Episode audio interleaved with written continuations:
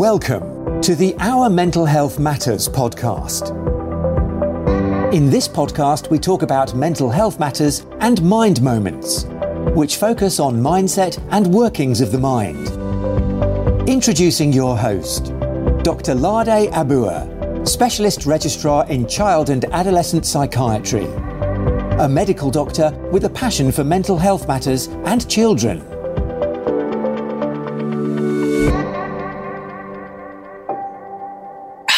Everyone, it's Lada here.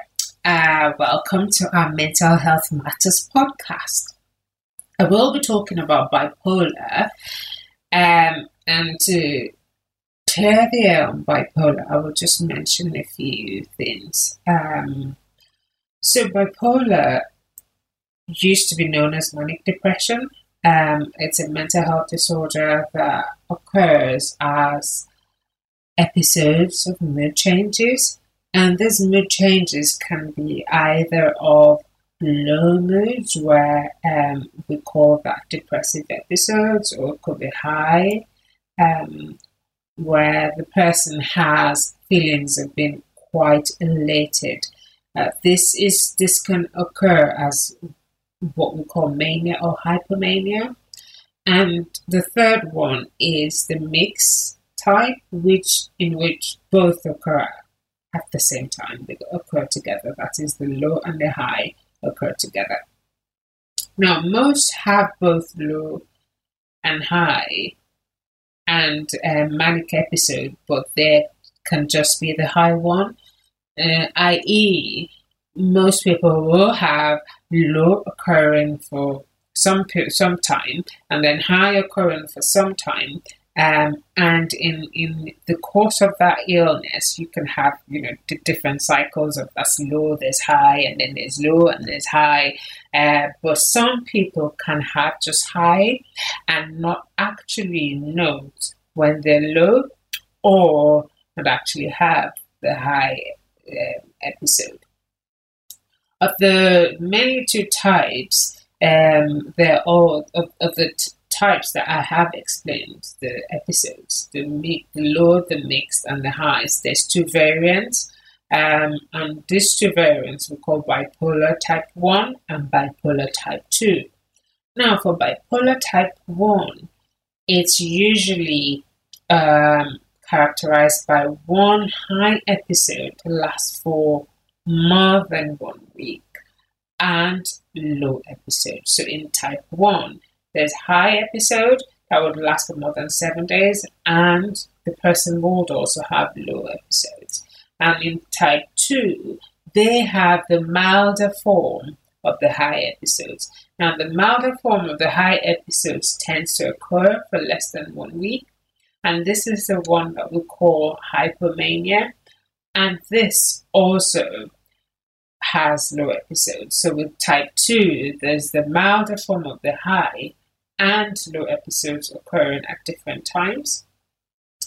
Aside these main two types, we also have a bit of other um, types of mood changes that we call um, um, cyclothymia, and this this is usually when people have mood changes and mood episodes, but they are not as full blown as the first two that I talked about. That is the low episode is not as full blown as um, type 1 or type 2. And there's also a particular variant which is very important. Now, this one is called rapid cycling. Like I was saying earlier, there's you know there's a low and there's a high. Um, people have those different episodes at different times. So when people have more than four episodes per year. We call this rapid cycling. Now they have they'll have low episode, then they'll have high episode, or they could have it the other way around, that they'll have high episode and low episode. But you have more than four. That is, you have more than four of low, low, low, low, low, or more than four of low, high, high, low uh, occurring at different times of the year. Now, the, the, the, the tips on knowing about bipolar type 2 um, is that, as I said before, it's a milder form of high and um, also low episodes occurring. Now, I will go into knowing the full uh, details of how uh, people present or what the difficulties people have with the depressive episodes. With, with the depressive episodes, people lose interest. You know, they lose interest in things they used to um, like doing. Um, they just lack that motivation to get things done, lack that motivation to get out of the bed. Um, they also lose enjoyment. Now, this this is a bit related to the loss of interest as well. Their hobbies, um, spending time with family, going out, watching TV, swimming, exercise. They completely don't get the enjoyment they used to derive from such things anymore. And also, they have their low in mood, so they, they feel really down. Um, and this tends to stay on for most of the day um, and most parts of the of the week. They lack energy. They t- get tired easily. They get really quite fatigued, and also become socially withdrawn. Um, they don't you don't see them interacting with people as much as they used to. For some people, they could stay in their rooms most times of the day, or you know, stay stay away from other people if they're living alone and you don't see them coming out to interact with others. They also can have crying spells. Now, the crying spells won't be in relation to things that have happened. It will just be spontaneous crying spells, you know, uh, just out of the blues. You just see them crying. Um, maybe this can also, you know, be associated with the times they feel low. With the depressive episodes as well, they can have psych- what we call psychotic symptoms, where they have hallucinations, like seeing things that aren't there, or hearing things that aren't there, or feeling things that aren't there. Most commonly, though, it's usually of feel uh, of feeling and hearing things. If seeing things is quite prominent, we will be thinking more of the types of illnesses.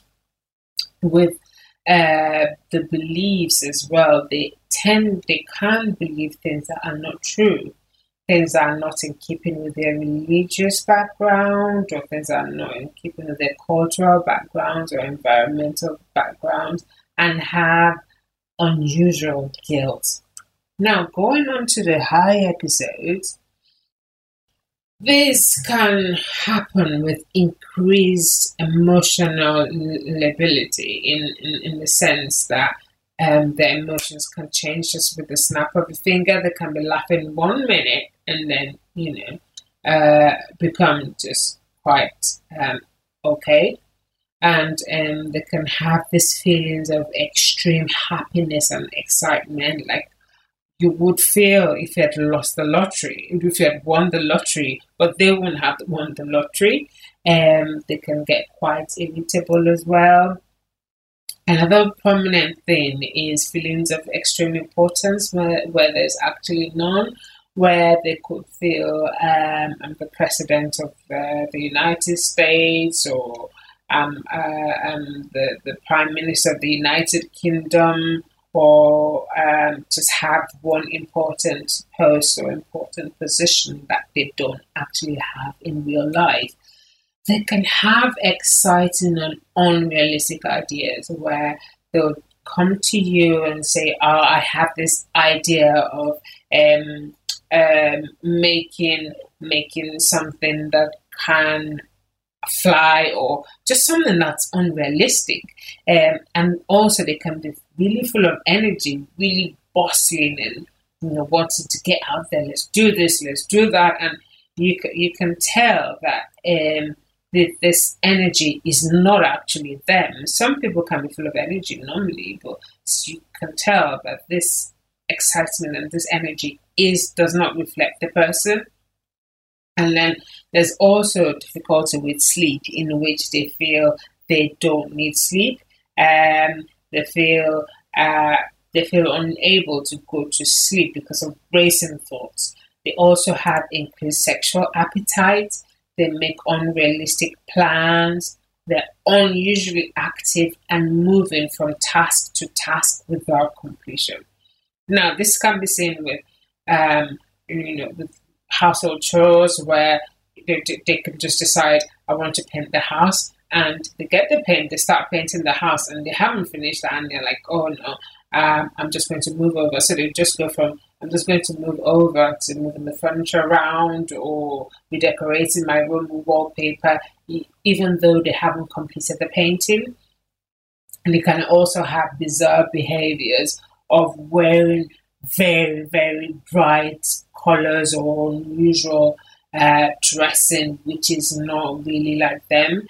There's high impulsivity uh, where they don't think decisions through and they make odd and big decisions without full consideration of the consequences, they can become quite disinhibited. Now, somebody who's uh, normally a bit intro- introverted or uh, a bit shy would just suddenly have that boldness to approach someone on the street and talk to them have that boldness to talk to a stranger they have they, they, they have never met before on the train which they ordinarily wouldn't do. They also can go on excessive spending spree. Um, and this, this is a very huge point to note for families or loved ones who have people who have uh, who you know who have people with bipolar to know to keep the cards and money away from them when they're having manic episodes or hypomanic episodes. They can't go on gambling sprees as well, which also comes down to keeping money and access to money away from them. They can talk quite excessively. And while talking, they just move rapidly from one topic to another, not completing topic they were talking about before or not completing the sentence. They can be easily distractible. And um, with manic episodes, also, they can have psychotic symptoms. Now, the psychotic symptoms can be similar to um, the depressive episodes where they, they, they have, they see things that, uh, that aren't there or they hear things that are, um, you know, there when there's nobody with them, they can still hear people talking or they feel things are not there. With the beliefs they can't believe believe they have extra powers or superpowers to heal people, to fly, um, to to to um, to change things, which are quite unrealistic, or they may believe they have extreme or great wealth, or you know have a, an important position like I had, you know, tried to describe earlier, which wasn't, which is not actually true. Now, with mixed episodes, we can have mixed episodes also. With mixed episodes, this will be a combination of both.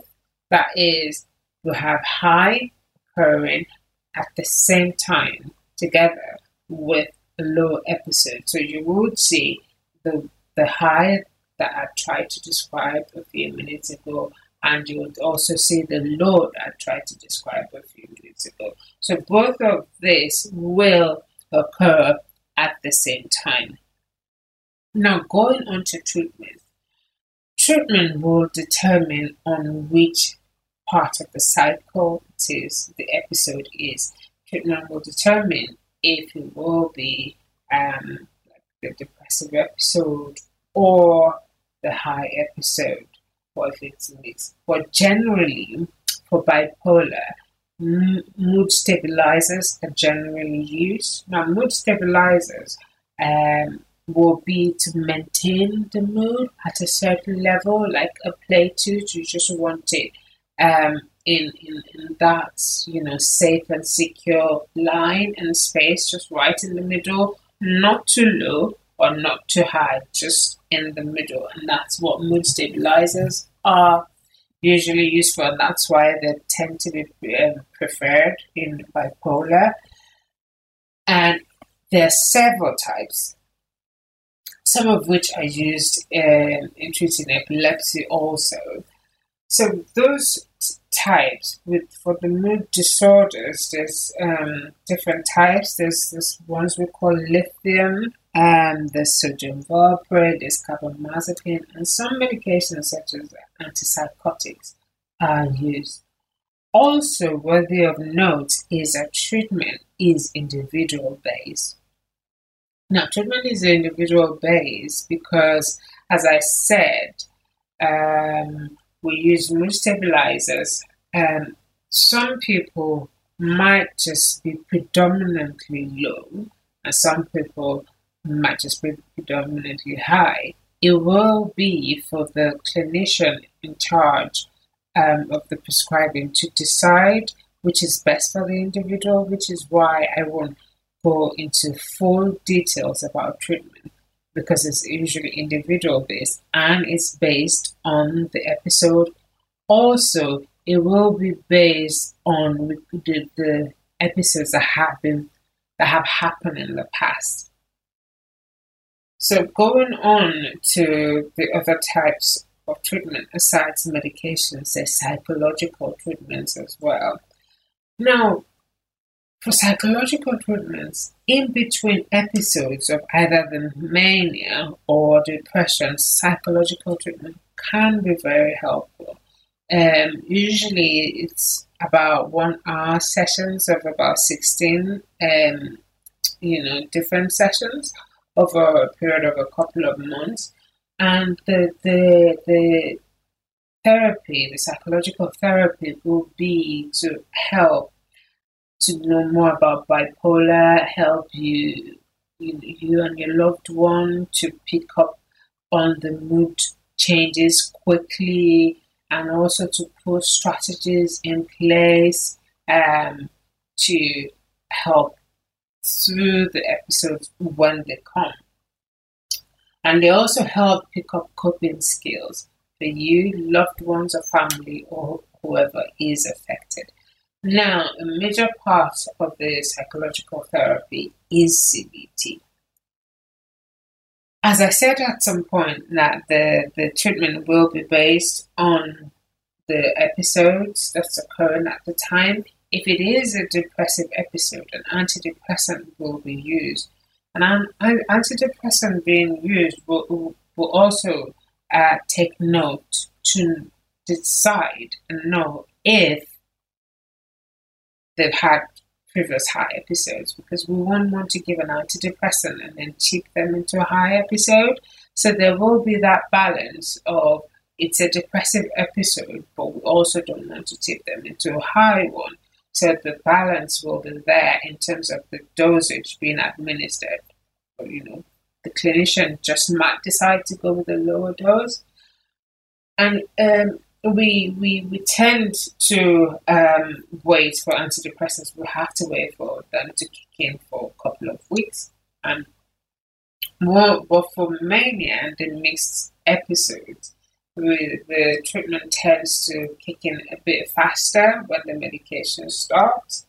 Um, uh, to, to, to go into tips, so I've talked about psychological treatment, I've talked about medication, but there are a few other things that we can do in terms of support for our loved ones or for ourselves.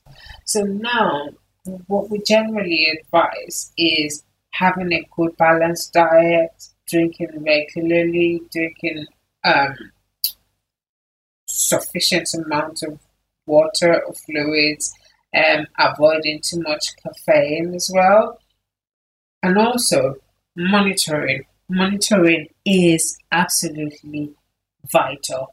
Monitoring your loved ones, know their triggers, know what we call relapse indicators. For some people, when they start talking about something that happened in their childhood, or some people, when they start mentioning an incident that occurred, that could be an indication of, of, of a relapse starting to come on. So it's vital to learn and recognize those early warning sign, signs so that help is gotten early and the earlier help is gotten and established, the better the outcome, the better, the faster the recovery. Also keeping a mood diary. Keeping a mood diary is very important because keeping a mood diary can help to let us know when the medication has started working or when the psychological therapy has started to work. And keeping a mood diary would also let you know the patterns um, and let the clinician also know the patterns. Identify things that have helped in the past. Now, I spoke, I just I mentioned coping skills in the psychological treatment identifying the skills or the, the, the skill sets that has helped in the past during episodes would be essential when an episode is going on because if it's worked in the past, it's very likely to work again. So once we've noted that, or once you noted during an episode that we have done this, we have done that, it's very good to write this down and make a note of it so that we can um, keep using that technique since it has worked. Also, knowing as much as we can about bipolar is very vital because, as I said, simple things like keeping money away, keeping cards away, keeping access to certain things away from people who are having episodes are really quite important. So, knowing about uh, about bipolar, knowing how they present, knowing what to do, knowing what to keep away, knowing um, knowing the cycles and the episodes will really help. With stress, we have advised avoiding stressful situations. Stressful situations can be a trigger for some people. It can be a relapse, uh, relapse indicator, that is, people who uh, tend to take on stressful situations when ordinarily they will avoid be a relapse indicator. And also, stressful situations can worsen an ongoing episode. So, it is best to avoid stressful situations. Likewise, with relationships, we advise nurturing positive relationships and avoiding negative relationships. This is especially especially very important during depressive episode where the person is already depressed, the person is already in a low place. We don't want negative relationships having a, a, um, a, a worsening effect on, on, the depressive episodes. So nurturing, nurturing um, positive relationships, having family around, having loved ones around, having support from as many people as we can during those episodes can be good because carers can become overwhelmed. If you're caring for your loved one alone, it can become quite overwhelming. So, relationships are important um, to nurture during episodes and even during um, well periods as well. Activities are very important especially during depressive episodes, getting them out of the house, getting them to do things can help to elevate their mood and help them to make and help to make them feel better. Now with the mania, we will have to keep an eye on the activities because as I said before, they can be quite impulsive. They can make rash or big decisions without thinking of the consequences and this can have lasting effects. So, it, it, with with both episodes as depressive and manic episodes, we have to keep an eye on the level of activities. We don't, um, with a high impulsivity, we don't want them going on the roads without crossing and get hit by a car. We don't want them making bigger odd decisions that will affect them for the rest of their lives, affect them for decades because of a manic episode. We don't want them getting into huge debts um, because of a manic episode.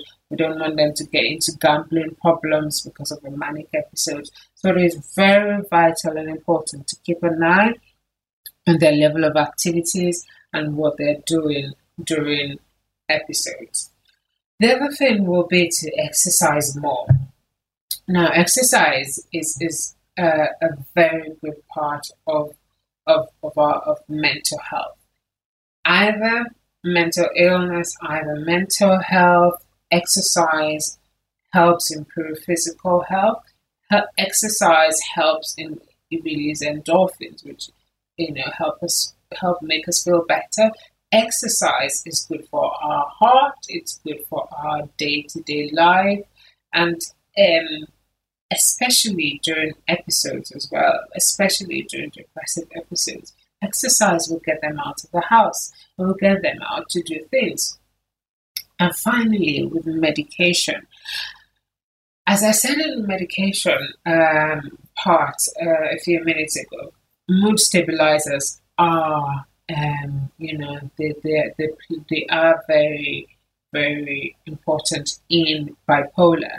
And with mood stabilizers, it's not advisable to miss doses because that takes it takes the the, the, the recovery that has happened or the steps that have been taken. It's like it takes it backwards.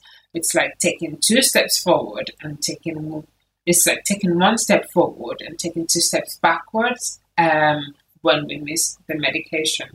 And with with the, with some of the mood stabilizers where we'll have to do blood tests to check the levels. If they're missing uh, doses, it will not be beneficial. It will be rather detrimental. So it's essential that we we monitor that they're taking their medications. It's essential that we know the we know about the medications they're taking. We know about the side effects that that, that could arise.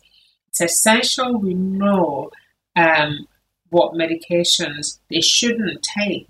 Um, it's essential we uh, help them to adhere to the dosage that has been prescribed. Like I said about um, like having an antidepressant in a depressive episode and not wanting to tip them into um, a high episode. So it's important that the dose that is prescribed is what they stick to.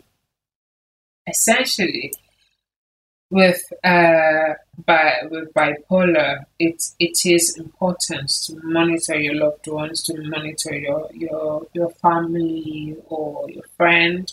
Um, take them to the uh, to the appointments when they need to go. Make sure they're going for the appointments, even when they're well, because the medications are still used when they're well to help keep them in that plateau, like I described, to help keep their mood in like a level place and make sure avoid it going low and avoid it going high. And then the more your, the clinicians see your loved one or yourself, the better they get to know you. So going for appointments and going for therapy or whatever is prescribed is very essential with bipolar. So that's that's it all from me. Um, I, um, I hope you've had a good time listening, and um, thank you for listening to our mental health podcast, our Mental Health Matters podcast. And that's it from me. Until next time, take care. And remember, empower your mind, empower your life. Goodbye. Thanks for listening to the Our Mental Health Matters podcast. You can follow me on Twitter at Omaledamaka. Until next time, empower your mind, empower your life.